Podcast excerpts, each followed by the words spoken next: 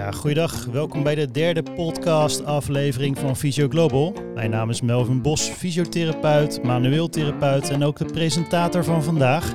Vandaag gaan we het hebben over drone. Bij ons in de uitzending zijn Coralien Kloek en Jesper Knoop aanwezig als gastsprekers. Zij zullen zich zo meteen kort introduceren. Uh, de krachten bundelen rondom artroseonderzoek is ook de aanvulling van de titel. En als zij zich geïntroduceerd hebben, dan gaan we aan de slag over de inhoud. Welkom in ieder geval uh, Jesper en Corelien in de uitzending van uh, Visio Global. Uh, Corelien, zou je allereerst kort kunnen introduceren aan de luisteraars? Wie ben je en wat doe je? Ja, mijn naam is uh, Corelien Kloek. Ik werk als senior onderzoeker bij het lectoraat Innovatie van Beweegzorg van de Hogeschool Utrecht. En ben daarnaast als uh, onderzoeker verbonden aan de academische werkplaats uh, Eerste Fysiotherapie in Utrecht. En zit ook in de redactie van uh, Fysiopraxis. Leuk, oké. Jesper? Ja, mijn naam is uh, Jesper Knoop. Ik ben bewegingswetenschapper en fysiotherapeut van origine en werk als onderzoeker bij de Vrije Universiteit van Amsterdam. En als onderzoeker en docent op de Hogeschool van Arnhem en Nijmegen. En uh, richt me vooral op uh, onderzoek uh, naar fysiotherapie bij musculoskeletale klachten. En dan met name knieartrose en lage rugklachten. Oké, duidelijk. Uh, nou, wat wel goed is, is dat we eventjes een uh, korte introductie doen wat betreft artrose. Wat speelt er in Nederland? Vervolgens doen we een uh, vlucht door het wetenschappelijk onderzoek. Wat, je, wat, ja, wat jullie tot zover daarvan weten. En dan vervolgens kunnen we doorschakelen naar wat drone is, wie, wie zijn er betrokken en waar staat het voor en wat zijn de beweegredenen. nou, allereerst wat ik kon vinden aan informatie, ook ehm, in de voorbereidingen. als je kijkt naar Nederland in wat betreft artrose en de patiëntenpopulatie, zie je dat de groep die daar last van heeft uh, rond de 1,1 miljoen uh, mensen is. En dat, dat, uh, dat de verwachting is dat dat wel gaat verdubbelen binnen 20 jaar tijd. waarbij dus ook een, op de eerste plek van de meest voorkomende chronische aandoening zal zijn. En ook dat de jaarlijkse zorgkosten ja, meer dan een miljard zijn inmiddels voor deze groep. En er wordt uiteraard natuurlijk ook veel geopereerd. Um, ja, wat betreft uh, die cijfers, uh, wat ik nu net aangaf, uh, Corelien, heb jij daar nog aanvullingen voor wat betreft eh, wat er speelt in Nederland? Nee, ja, dat, dat geeft wel een mooi beeld van, van hoe, het, hoe het ervoor staat met de knie- en heupartrose. Dus een heel veel voorkomende aandoening die ook veel aandacht vraagt. Dus er zijn veel mensen met knie- en heupartrose, maar de, ze weten nog niet allemaal uh, even goed de weg naar de fysiotherapie te vinden. Terwijl uh, we ook vanuit onderzoek weten dat we met fysiotherapie heel veel kunnen bereiken voor deze groep. Dus uh, ik denk dat er nog voor ons als fysiotherapeut heel veel kansen liggen om nou, meerwaarde te bieden aan deze grote groep. En steeds groter wordende groep. Jesper? Ja, wat, je, wat ik ook wel erg belangrijk is, is dat, dat de meeste ja, zorgkosten die worden gemaakt zitten natuurlijk in die, in die operaties. Er nieuwe, nieuwe knieën, nieuwe heupen en uh, in het ziekenhuis. Uh, nou ja, die operaties gaan op zich natuurlijk heel goed. Uh, maar omdat artrose zoveel meer gaat voorkomen door, door, door de obesitas. Ja, dat gaat dus richting 2 miljoen en dan gaat het richting 3 miljoen. Is het gewoon heel belangrijk dat je op allerlei manieren probeert met, met constructieve behandelingen die operaties uh, ofwel zo lang mogelijk uit te stellen, ofwel helemaal misschien wel af te stellen. En uh, dat lijkt uh, nou ja, in heel, bij best wel veel mensen best wel goed te kunnen. zeker ook met oefentherapie. Oké, ja, er is natuurlijk volop onderzoek al gedaan in het verleden en nog steeds bezig. Ehm, jullie zijn natuurlijk zelf ook actief wat betreft dit vlak. Um, Corelien, zou je aan kunnen geven waar jij vooral mee bezig hebt gehouden wat betreft onderzoek en die ook lopen? Ja, ik heb zelf een promotieonderzoek gedaan naar eh, de interventie e-exercise voor mensen met knie- en heupartrose. Ja. Dat is een uh, blended interventie, wat inhoudt dat we uh, sessies in de praktijk geïntegreerd hebben met een uh, webapplicatie, die inmiddels een smartphone-applicatie is. Oké. Okay. Um, en eigenlijk was de, de, de inhoud van e-exercise niet uh, zozeer heel erg anders dan, uh, uh, dan wat de, de richtlijn omschrijft. Dus het was eigenlijk gewoon conform richtlijn. Maar het was vooral de aanbiedingsvorm die nieuw was binnen e-exercise. Dus we hebben echt gekeken van, hey, als we nou zo'n smartphone applicatie integreren in de face-to-face behandelingen, kan het dan ook zijn dat mensen iets minder in de praktijk hoeven te komen. Dus kan zo'n applicatie ervoor zorgen dat mensen meer handvaten hebben uh, om zelf met die klachten aan de slag te gaan. Oké, en wat komt, daar, uh, wat komt er naar voren wat betreft uh, zo'n e-exercise module? Ja, we hebben het vergeleken met, met reguliere fysiotherapie. En ehm, bij reguliere fysiotherapie kwamen mensen gemiddeld zo'n 12 keer in de praktijk. Terwijl bij onze e-exercise interventie ehm, hadden we een protocol en daar lag het gemiddelde op vijf behandelingen. Dus echt een stuk lager. Maar als je kijkt naar de, de effecten op uitkomstmaat als fysiek functioneren, uh, pijn, uh, dan zagen we dat de effecten eigenlijk vergelijkbaar waren. Dus het was niet zo dat e-exercise beter was, uh, maar ook zeker niet slechter. Dus in vergelijkbare mate gingen mensen vooruit um, op die belangrijke klinische uitkomstmaten. wat toch wel aangaf dat je uh, nou, niet iemand altijd uh, zo intensief in de praktijk hoeft te zien, maar dat zo'n applicatie uh, ook kan maken dat mensen zelf aan de slag uh, gaan en uh, misschien iets minder begeleiding nodig hebben. Dat geldt uiteraard niet voor alle patiënten, dus ik zeg niet dat e-exercise met slechts vijf behandelingen voor iedereen de oplossing is. Dus daar moet je altijd goed naar kijken. Ja. maar het geeft wel een indicatie. Oké. Okay. Jesper, jij bent natuurlijk ook afgelopen jaren druk bezig met onderzoek. Ehm, ja, waar heb jij je vooral mee bezig gehouden? Nou, ik heb in mijn promotieonderzoek hebben wij ons vooral gericht op de, op, de in, uh, op de inhoud van de oefentherapie. Dus wat voor oefeningen kun je nou het beste geven? En kun je daarmee misschien het effect ook uh, van oefentherapie uh, die er is nog, nog verder vergroten? dat, ging, dat ging met name over instabiliteit van de knie. We, hadden echt wel veel aanwijzingen dat, dat een behoorlijk deel van de mensen met knieartrose kampen met instabiliteitsklachten. Dus dat ze af en toe door een knie zakken. En dat het idee was dat, dat zeg maar, de standaard oefenprogramma's daar niet, niet goed genoeg tegen werken. Dus dat je daar specifiekere oefeningen voor moet doen. Ja. stabiliteitsoefeningen, proprioceptietraining, uh, dat soort dingen. Uh, wat op zich ook wel best wel veel wordt gedaan door fysiotherapeuten. We wilden gewoon kijken van is dat inderdaad ook echt, kun je dat uh, bewijzen dat, of dat beter is. Ja. Ehm, en tot onze verrassing merkten we eigenlijk dat, dat we geen meerwaarde vonden van die stabiliteitstraining. Okay. kijk, de ene helft van de mensen met die instabiliteitsklachten die kregen die specifieke stabiliteitstraining naast uh, uh, spierversterkende oefeningen. En de andere groep kreeg eigenlijk alleen maar die spierversterkende oefeningen. Ja. Uh, merkte dus dat het in beide groepen nou ja, heel erg goed werkte, zonder dat die ene groep nog, het nog wat beter deed dan die andere groep. Waardoor, je, ja, waardoor we gewoon merkten van, ah ja, als je gewoon een goed oefenprogramma met een goede opbouw, met een goede inhoud qua nou ja, spierkrachttraining, uh, een stuk functionele training, een stuk goede educatie. Als je dat gewoon goed aanbiedt, uh, ja, dan uh, kun je in de meeste gevallen kun je gewoon uh, de mensen heel veel laten verbeteren in hun functioneren, in hun pijnklachten. En hoef je niet nou, heel ingewikkeld te doen met nog specifiekere proprioceptietraining. Dus dat was een beetje de, de belangrijkste uitkomsten daarvan. Plus dat wij ook nog MRI's konden afnemen bij deze mensen. En dat wat, ook heel interessant was, dat we zagen, nou ja, we zagen mensen met beginnende artrose, we zagen mensen met echt hele ernstige artrose, echt het eindstadium. Uh, en we zagen dat vervolgens dat, dat zeg die, die effecten van die oefentherapie waren eigenlijk net zo groot voor die mensen met vergevorderde artrose dan met beginnende artrose. Dus dat gaf ook wel heel veel, nou ja, positieve aanwijzing dat je zegt van nou, eigenlijk voor binnen al die stadia zou oefentherapie op zich uh, moeten kunnen werken.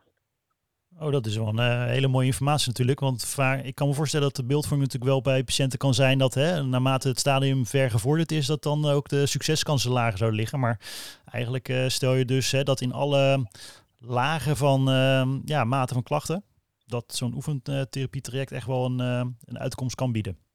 Ja, dat zie je ook wel in andere, in andere studies, ja. dat, dat, dat dat zo is. En um we weten ook wel dat zeg maar, de ernst van artrose bijvoorbeeld op de röntgenfoto en dus ook op het MRI, uh, dat, dat zegt vrij weinig ook over de ernst van de klachten. Uh, maar het zegt dus ook vrij weinig over uh, ja, hoeveel kans je hebt om met oefentherapie te verbeteren. En dat het dus eigenlijk ook echt een, ja, echt een, ja, een, een, een, een stap moet zijn die je zet voordat je een, een operatie overweegt. Ja, er zijn natuurlijk, uh, jullie zijn zelf betrokken uh, bij het consortium van uh, Drone natuurlijk. Er zijn natuurlijk wat meer, nog meer wetenschappers ook bij betrokken, die ook allemaal onderzoek hebben gepubliceerd. nou ja, om eventjes wat eruit te filteren. Um, bijvoorbeeld ook de Clinical Practice Guideline hè, van, van, van Dorma het al. wat betreft knie- en heupartrose. Met een soort richtlijn en ook management om in te kunnen zetten. daarnaast ook met Pelle onder andere, die ook een onderzoek heeft gepubliceerd. En even kijken, Mariette de Roon, die ook betrokken is. Ehm, en ook daarin een uh, publicatie heeft. Ik zal alle ja, publicaties ehm, die we in de voorbereiding hebben besproken, Coraline Jesper, die zullen ook, en ook voor de luisteraars, die zullen ook beschikbaar komen in de omschrijving van de podcast. Dus als je natuurlijk veel meer uh, zou willen weten over welke onderzoeken er zoal spelen, ook vanuit de wetenschappers die betrokken zijn van de drone, die, die, die ze ook gepubliceerd hebben in het verleden, dan is het allemaal nog later terug te vinden. Daarnaast is natuurlijk ook nog de KGF-richtlijn, Coraline en Jesper. Wat betreft ja, uh, knie- en heupartrose. En daar, ja. uh, nou goed, in de voorbereidingen gaf je onder andere ook aan dat het ook belangrijk is met de profielindeling uh, van, van zo'n richtlijn. En wat belangrijk uh, daarvoor van kan zijn voor, voor de praktijk ook. Ja, we hebben inderdaad in, in 2018 is er een nieuwe richtlijn uitgekomen vanuit het, het KGF. Dus ja. richtlijn voor de artrose van de knie en heup. Ja. En als je kijkt naar wat, nou, wat is nou nieuw in die richtlijn ten opzichte van de richtlijn daarvoor, dan is een van die dingen dat er inderdaad onderscheid wordt gemaakt tussen verschillende indicaties. Dus er worden vier verschillende indicaties beschreven. Um, um, en het idee is dus dat je, nou, als je iemand ziet in de, in de praktijk met artrose, dat je dus een inschatting maakt van nou, met welke indicatie heb ik te maken en dat je de behandeling daar zoveel mogelijk op, op afstemt. Dus er zit eigenlijk meer, meer een stukje van personalisatie, dat komt terug in de richtlijn. Oké. Okay. Um, heb jij daar nog aanvullingen voor Jesper wat betreft die eh, KGF-richtlijn? Mm, nou, ik denk... Of wat uh, belangrijk is voor, voor, ja, voor, voor, voor de therapeut in de, in de praktijk? Om mee te nemen ja. uh, vanuit de richtlijn, hè, waar, waar de accenten zouden moeten liggen. Ja, nou kijk, wat, wat, wat echt wel nieuw is in deze richtlijn, want er zijn ja. zeg maar in de wereld echt heel veel richtlijnen over fiets en artrose, is dat, dat nu eigenlijk voor het eerst echt wel uh, nog veel concretere aanwijzingen worden gegeven van ja, waar zou dan een goede oefentherapie aan moeten uh, voldoen. Hè? Dus veel meer concrete aanbevelingen. Ja. En ik moet ook zeggen dat dat ook dus deels gebaseerd is op heel wat onderzoek van mensen die dus in, in, in ons drone consortium zitten. Dus dat is ja. ook wel heel erg leuk om dat direct terug te zien in die richtlijn. Okay. Uh, en dus dat het dus niet een, een soort standaard oefenprogramma moet zijn, uh, een soort one-size-fits-all benadering, wat, wat altijd zou werken, maar dat je inderdaad echt als fysiotherapeut toch echt wel een stapje verder moet denken en moet proberen om, om de behandeling zo te personaliseren, hè, op maat af te stemmen op, op, op, de, op de persoon, die, die zeg maar ook zelf zijn, zijn eigen voorkeuren heeft, uh, andere klachten kan hebben en ook natuurlijk allerlei comorbiditeiten kan hebben waar je ook nog weer rekening mee moet houden. Uh, en dat zijn allerlei dingen die heel goed en uitgebreid terugkomen in deze richtlijn. Mooi. Um, ja, ik heb dat ook eerder op social media gedeeld uh, vanuit Visio Global. Dat was een artikel van Canero et al. uit 2019. Three steps to changing narrative about knee osteoarthritis care. A call to action. En daar um, heb ik ook een uh, infographic uh, van gedeeld. En uh, ja, dat ging ook over de, de, de low value care versus de high value care. En er waren in ieder geval schematische weergaven van interventies die je zou kunnen doen. En dit was dan specifiek op de, op de knieartrose. waarbij ook wel naar voren komt hè, dat oefentherapie, lifestyle changes, evidence-based educatie. Uh, dat dat zo'n hele belangrijke zijn. En echt beeldvormend onderzoek uh, ja, veel uh, lager staat in de pikorde om, om het te overwegen als klinicus. dan wel alleen als het echt een indicatie voor zou zijn. Um, er komt natuurlijk ook duidelijk naar voren naar dat artikel van ja, de, de, de, de, de radiologische bevindingen of het beeldvormend onderzoek versus natuurlijk de klinische klachten van de patiënt. En dat het ook veel meer is dan alleen maar die lokale ja, afwijkingen in vormen die mogelijk te zien zijn in beeldvormend onderzoek. En dat het voor veel meer gaat over een soort van sensitisatie lokaal van de artrosevormingen. Met ook de copingstrategie van de patiënt, de beliefs van de patiënt over welke, eh, ja, wat er speelt met hem zoal of haar. En hoe die, daar, uh, hoe die dat dan invulling geeft. Uh, hoe, hoe, kijken jullie daar tegenaan uh, van zo'n artikel en ook zo'n high value care versus low value care? Ja, ik vind ik, dat laatste sowieso, dat komt ook wel heel erg terug in, in die nieuwe KV-richtlijn. Ja. Dus, dus dat wordt best wel stellig, uh, en dat is denk ik ook wel heel goed om een goed stelling te nemen. Dat je zegt van nou alles waar gewoon weinig bewijs van is, of, of bewijs dat het, dat het uh, geen meerwaarde heeft. Hè? Allerlei ook passieve interventies, die moet je gewoon niet doen. Je moet gewoon je tijd besteden aan de dingen die wel belangrijk zijn. En dat is dus inderdaad heel erg uh, oefentherapie, goede voorlichting, uh, mensen een goede ja, zelfmanagementstijl ja. aanleren, zodat, zodat ze uiteindelijk zonder de hulp van de fysiotherapeut uh, kunnen. Ehm, en inderdaad, die, die leefstijlverandering hè, met, met, met afvallen bijvoorbeeld, als dat, als dat speelt. Uh, mensen kunnen ook natuurlijk, heel veel mensen hebben ook ja, comorbiditeit natuurlijk, dus, dus die, ja. dat zul je echt door een leefstijlverandering moeten gaan aanpassen. Dus ik denk dat dit heel erg goed ook schetst ja, uh, hoe, wat we nu weten van artrose en, en dat het in, die, in, in, de huidige richtlijn ook goed beschreven staat. Oké, okay, ja, dat, daar ben ik het wel uh, mee eens. Um, en ik denk ook dat uh, wat je daarnaast uh, mooi terugziet in de, in de richtlijn is die, die step care aanpak. Ja. dus dat je altijd zo laagdrempelig mogelijk je begint met, met behandelen. Dus in de richtlijn zie je ook echt dat bij indicatie 1 gaat het vooral om het geven van, van voorlichting. Nou, dat zie je ook in de van Canero terug, die evidence-based educatie. Dus um, ja, er leven natuurlijk best wel wat soort misinterpretaties rondom artrose. Dus het is heel belangrijk om echt goed uit te leggen van wat houdt artrose nou eigenlijk in en hoe kun je daarmee omgaan als, je, als je daar last van hebt. Um, en daar hoort natuurlijk ook dat, dat beeldvormende onderzoek bij, omdat er toch wel vaak patiënten in de praktijk komen die gewoon toch graag bevestiging willen vanuit uh, een röntgenfoto. Ja. Um, dus dat vraagt wel om, uh, om uh, nou ja, vanuit de fysiotherapeut ook om, daar, om dat goed uit te leggen waarom dat eigenlijk geen toegevoegde waarde heeft. Ja, dus die educatie op die moment is wel cruciaal.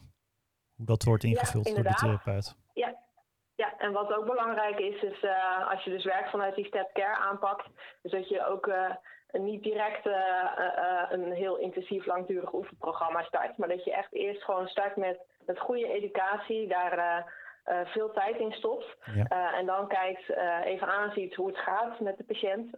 en als nou blijkt dat dat niet voldoende is, dan, dan kun je altijd nog opschalen naar een volgende stap hè, binnen die step care aanpak. Ja. Ja. maar het is wel belangrijk om gewoon echt eerst laag te beginnen en niet direct al hoog in te schakelen. Zijn daar um, verder ook nog concrete tips voor, voor wat betreft die educatie? Um, nou, je ziet natuurlijk ook uh, placebo, nocebo effect is natuurlijk ook uh, hot topic uh, de laatste tijd. maar ook natuurlijk de taal wat je als klinicus, um, ja, hoe je dingen ook uitlegt. ik kan me voorstellen dat daar ook nog wel risico's kunnen zijn in, in de wijze hoe een therapeut dat kan vormgeven. Ja, zeker. Ja. Um, ja, kijk, bekend voorbeeld is natuurlijk slijtage. Hè. Wordt vaak gezegd van trouwens is slijtage, maar dat wekt wel een beetje de indruk van oh, ik moet ermee uh, mee dealen en ik kan er niks aan doen. Uh, dus dat zijn wel van die termen die je eigenlijk moet proberen te vermijden bij, uh, bij, bij, bij mensen met knie- en heupartrose. Ja, en wat wij, wat wij ook zien, toevallig in de studie die we nu doen, dat we ook met, met zeg maar, nog, nog interviews eraan hebben gekoppeld, mensen die door de fysiotherapeut zijn behandeld. Ja. Dus wat, zij heel erg een eye-opener vonden, is dat, dat, dat ze gewoon uitgelegd krijgen dat, dat als ze wat pijn voelen, dat dat niet betekent dat ze meteen moeten stoppen, maar dat, dat, je daar, uh, ja, dat het nog steeds belangrijk is om te blijven, blijven bewegen en, oefeningen te doen. En dat je daarmee ook dus ook echt zelf een beetje het in de hand hebt, zeg maar. Dat je zelf controle hebt of zelf invloed hebt op het verminderen van je klachten. Ja. Uh, dat werkt gewoon ook heel erg positief. Dat, dat ze niet nou ja, bepaald worden door hun aandoening, maar dat ze zelf ook wel echt wel uh, ja, zelf invloed op hebben. Duidelijk. Uh, er was verder ook nog een stelling online geplaatst eerder. De Red Race om onderzoekssubsidies en onderling samenwerken uh, is bijna een onmogelijke combinatie. Um, en daarbij zie je dat de, ja, van de volgers uh, 90% het daarmee eens is en 10% oneens. Dus de merendeel schaart zich toch wel achter deze stelling. Um, zou je hier een onderbouwing van kunnen geven, Coraline, wat betreft die stelling? En wat is, het, ja, wat is, de, wat is, de, wat is de achterliggende gedachte? Ja, de, de, de stelling is, is ook wel een beetje dubbel. Want uh, als je kijkt naar hoe het gaat met subsidies aanvragen, dan uh, sturen subsidieverleners er ook wel op aan dat je echt samenwerkt binnen een consortium. Ja. Uh, dus dat gebeurt eigenlijk in praktisch elk project wel. Um, maar tegelijkertijd schrijf je natuurlijk wel allemaal op dezelfde subsidiemogelijkheden. Um, en ja, in die zin is er dus wel sprake van een soort van concurrentie. Uh, dus dat, is wel een soort spanningsveld waar je het mee te maken hebt. Ja. Um, plus dat je ook mee te maken hebt dat die samenwerking binnen een project uh, is vaak ook gebonden aan de duur van het project. Ja. En dat is ook een van de redenen uh, dat we hebben gezegd van nou, we gaan het uh, Drone Consortium opstarten. Dat we eigenlijk die, die samenwerking structu structureler maken. Um, en gewoon ja, structureel kunnen profiteren van elkaars krachten. Oké. Okay. Duidelijk. Um, nou, dan kunnen we natuurlijk mooi het bruggetje maken naar drone zelf. ja, waar staat, waar staat de afkorting drone voor, Jesper? Uh, afkorting staat voor, we hebben daar trouwens al enige sessies over gedaan om tot een mooie naam te komen. Ja. volgens ook nog een heel mooi logo. Nee, het staat voor Dutch Research in Osteoarthritis and Exercise Consortium. Oké. Okay. Dus dat geeft ook aan dat wij, nou ja, dat wij ons richten op artrose en op, met name op het bewegen en het oefenen. Ja. dat dat zijn, hè, wij, wij zijn eigenlijk de onderzoeksgroepen uit Amsterdam, Leiden, Utrecht, Rotterdam en Nijmegen. Die eigenlijk allemaal uh, op, op best wel een klein ja, onderwerp zitten, zeg maar, namelijk ja, uh, artrose en, en, en bewegen. Um, en we doen het allemaal eigenlijk best wel goed, ook wel internationaal gezien. Okay. Um, maar het is gewoon zonde als we niet zouden samenwerken en, en eerder elkaar, zeg maar, uh, ja, elkaars concurrenten zijn. Dus we hebben heel erg gezien, ja, weet je, we moeten eigenlijk gewoon in ieder geval goed weten van elkaar wat we doen. dat je dus het ook een beetje kan verdelen, zeg maar. Dat, dat je ja. niet allebei op hetzelfde onderwerp heel veel tijd investeert, bijvoorbeeld om een, om een subsidie binnen te halen. Ja. Uh, dat zou natuurlijk zonde zijn. Plus iedereen heeft natuurlijk wel weer zijn eigen ja, toch wel expertisegebied. De ene Ja. zit wat meer richting de biomechanica, de ander zit wat meer richting bijvoorbeeld samenwerking met de orthopedie of met, met, met, met de eerste lijn. Dat je, Ah, dat je elkaar heel erg goed kan, kan aanvullen en kan versterken. En als je dan dus samen onderzoek gaat opzetten, dat je dan ja, nog, nog veel beter onderzoek kan doen. Ehm, plus eventueel ook nog wel echt wel gezamenlijk onderzoek kan doen. Er zijn allerlei cohorten die door de verschillende onderzoeksgroepen worden uh, nou ja, opgezet of, of, of uh, die er zijn. Ja, die zou je ook zitten echt te denken om dat zeg maar samen te voegen. En ook echt samen onderzoek te doen. Dat je bijvoorbeeld als we een nieuwe trial zouden opzetten, dat we dat vanuit meerdere centra in Nederland kunnen gaan uitvoeren. dus dat, ja, we denken dat dat echt wel een hele goede impuls zou zijn voor, uh, voor het onderzoek. Ja, oké, okay, duidelijk. Dus, dus, dus de, hè, de, inderdaad de krachten bundelen um, als verschillende centra. Uh, om ook uh, inderdaad um, ja, het efficiënter ook in te kunnen richten. Hè? Door, iedereen heeft natuurlijk zijn eigen expertise daarin. waardoor het ook nog efficiënter ehm, ja, ingevuld kan worden wat betreft het onderzoek, begrijp ik. Ja. ja. jullie zijn zelf natuurlijk allebei lid van het consortium. Hoeveel leden, uit hoeveel leden bestaat Drone? Wie zijn er betrokken? Uh, we zijn nu met een, uh, met een man of dertien uh, zijn we actief. Ja. Um, het is wel zo dat, dat meestal de meeste onderzoekers hebben ook nog wel weer collega's die ook bezig zijn met dit, met dit onderwerp. Bijvoorbeeld promovendi of junior ja. onderzoekers. Ja. Dus met, de, met de bijeenkomsten zijn we zeg maar met een soort van kerngroep van dertien. Ja. maar goed, eigenlijk zit er ook nog wel een, een soort flexibele kern omheen. Oké.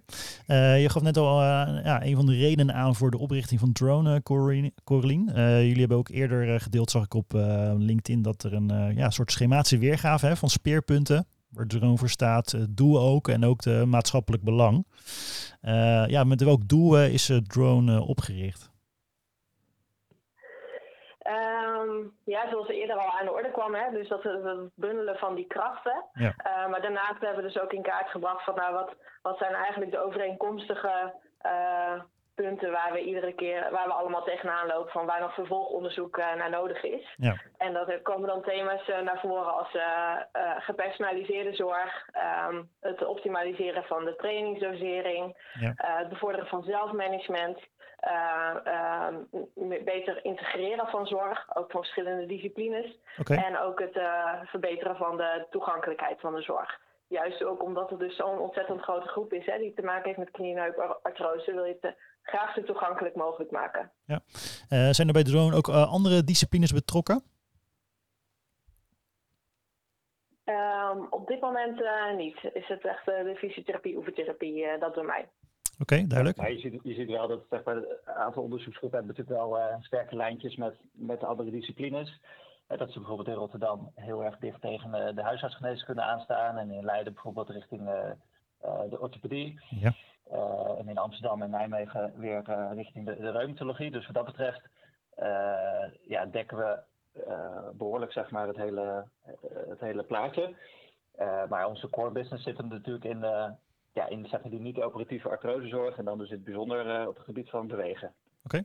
Eh, ja, we naderen nu het laatste deel van de, van de podcast. Ehm, wat zijn in ieder geval uh, dingen die van belangrijk zijn wat betreft het drone, uh, om mee te geven aan de luisteraars? Ja, dat wij ons als consortium inzetten om nog meer kennis op te doen over het zo effectief mogelijk maken van die, van die oefentherapie bij mensen met knie- en heupartrose. Um, en dat we al vanuit eerder onderzoek weten dat uh, de fysiotherapie dus een hele belangrijke rol kan spelen op dit terrein. Uh, dus dat het uh, zeker ook goed is om, om, je dat als therapeut te realiseren. en die kansen te benutten. Het is natuurlijk ook heel mooi dat de artrose in de basisverzekering ziet, zit. Dus ja. dat sinds, sinds kort, ja. sinds een aantal jaar. Dus dat biedt ook allerlei kansen die we eigenlijk als beroepsgroep natuurlijk moeten gaan benutten. Oké, okay. Jesper? Ja, wat je wel, wat je wel eens hoort, uh, komt natuurlijk uh, best wel veel aanraking met, met fysiotherapeuten. Dat sommigen vinden artrose nog een beetje een soort van, misschien een beetje saai of uh, onderwerp. Of denken dat het heel, heel simpel is. maar dat, ja, is denk ik wel belangrijk om te benadrukken dat het gewoon ja, een hele belangrijke doelgroep is. Waar de fysiotherapie inderdaad een hele, nou ja, misschien wel een cruciale rol in speelt. dus dat het gewoon belangrijk is om goed up-to-date te blijven, weten ja, wat er in de richtlijn staat. Uh, met daarbij ja, allerlei extra uitdagingen, omdat er gewoon heel veel mensen ja, met ook allerlei comorbiditeiten zijn, met andere relevante factoren. Uh, dus dat het ook best wel ingewikkeld kan zijn om die behandeling ja, goed op maat te kunnen geven. Uh, maar daardoor juist ook wel een hele leuke uitdaging, denk ik, voor, ja. voor fysiotherapeuten. Zeker, oké. Okay. Nou, heel, heel helder allemaal tot zover wat jullie meegeven. Um, heb je nog laatste punt om mee te willen geven qua keypoints, Coraline, voor de luisteraars? Ja, misschien uh, kijk nog eens een keer de richtlijn door. Uh, ja, er zijn ook wel de, de kracht van de herhaling, bedoel je? ja, precies. Ja, inderdaad. Ja. ja Oké. Okay. Dat is het belangrijkste eigenlijk. Oké, okay, Jesper? um, nou, ik denk dat we nog kunnen meegeven is dat wij uh, proberen, er zijn natuurlijk onderzoekers, maar we proberen wel zo dicht mogelijk bij de praktijk te staan. Dus, dus dat we sowieso, nou ja, de, de onderzoeken die we doen ja, zo goed mogelijk proberen eh, te vertalen richting de, de praktijk. Ja. Uh, maar dat we ook wel uh, nou ja, te benaderen zijn door, door mensen uit de praktijk voor, voor nieuwe ideeën voor onderzoek. Of, of zeg maar als ze tegen bepaalde dingen aanlopen. dat wij als drone daar ja, ons graag voor zouden willen inzetten. Oké. Okay. Um, waar kunnen mensen meer informatie vinden? Wat betreft drone? We hebben een LinkedIn-pagina um, en uh, we hebben ook een, een e-mailadres, dat is uh, eh, drone.umcutrecht.nl. Okay. Uh, dus je kan ons ook gewoon een mailtje sturen. Oké, okay. nou ja, super interessant onderwerp ook. voor, kan me voorstellen ook voor de luisteraars. er speelt natuurlijk heel veel al op het gebied van artrose. En dat zal nou ja, in de verwachtingen steeds belangrijker gaan worden in de zorg. ik wil jullie in ieder geval bedanken voor deze bijdrage, Coraline en Jesper. Super interessant. En uh, ik denk uh, dat het zeker wel mooi kan zijn uh, dat de krachten bundelen als wetenschappers, dat dan het nog efficiënter ingericht kan worden en ook dat we daardoor steeds meer weten en ook onze positie ook als fysiotherapie binnen de zorg ook kunnen verstevigen en ook voor de patiënt. Dus ja. dank daarvoor. Ja, voor de uitnodiging. Ja, graag ja. gedaan. Bedankt. Is goed, graag gedaan. Nou, dat waren uh, Jesper uh, Knoop, uh, onderzoeker Amsterdam UMC, Han en ook de Vrije Universiteit van Amsterdam, consortiumlid Drone. En dat was ook Coraline Kloek, senior onderzoeker, lectoraat innovatie van beweegzorgguur en ook consortiumlid van Drone. Heb je meer ideeën over onderwerpen of interessante sprekers? Zet ze dan op de chat op social media van Visio Global. Vergeet ons ook niet te volgen op LinkedIn, Facebook, Twitter en Instagram.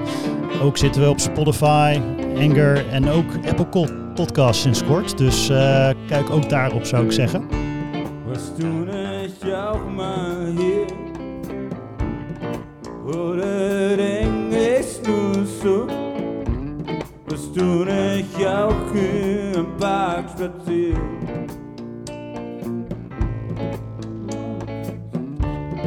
Wanneer vocht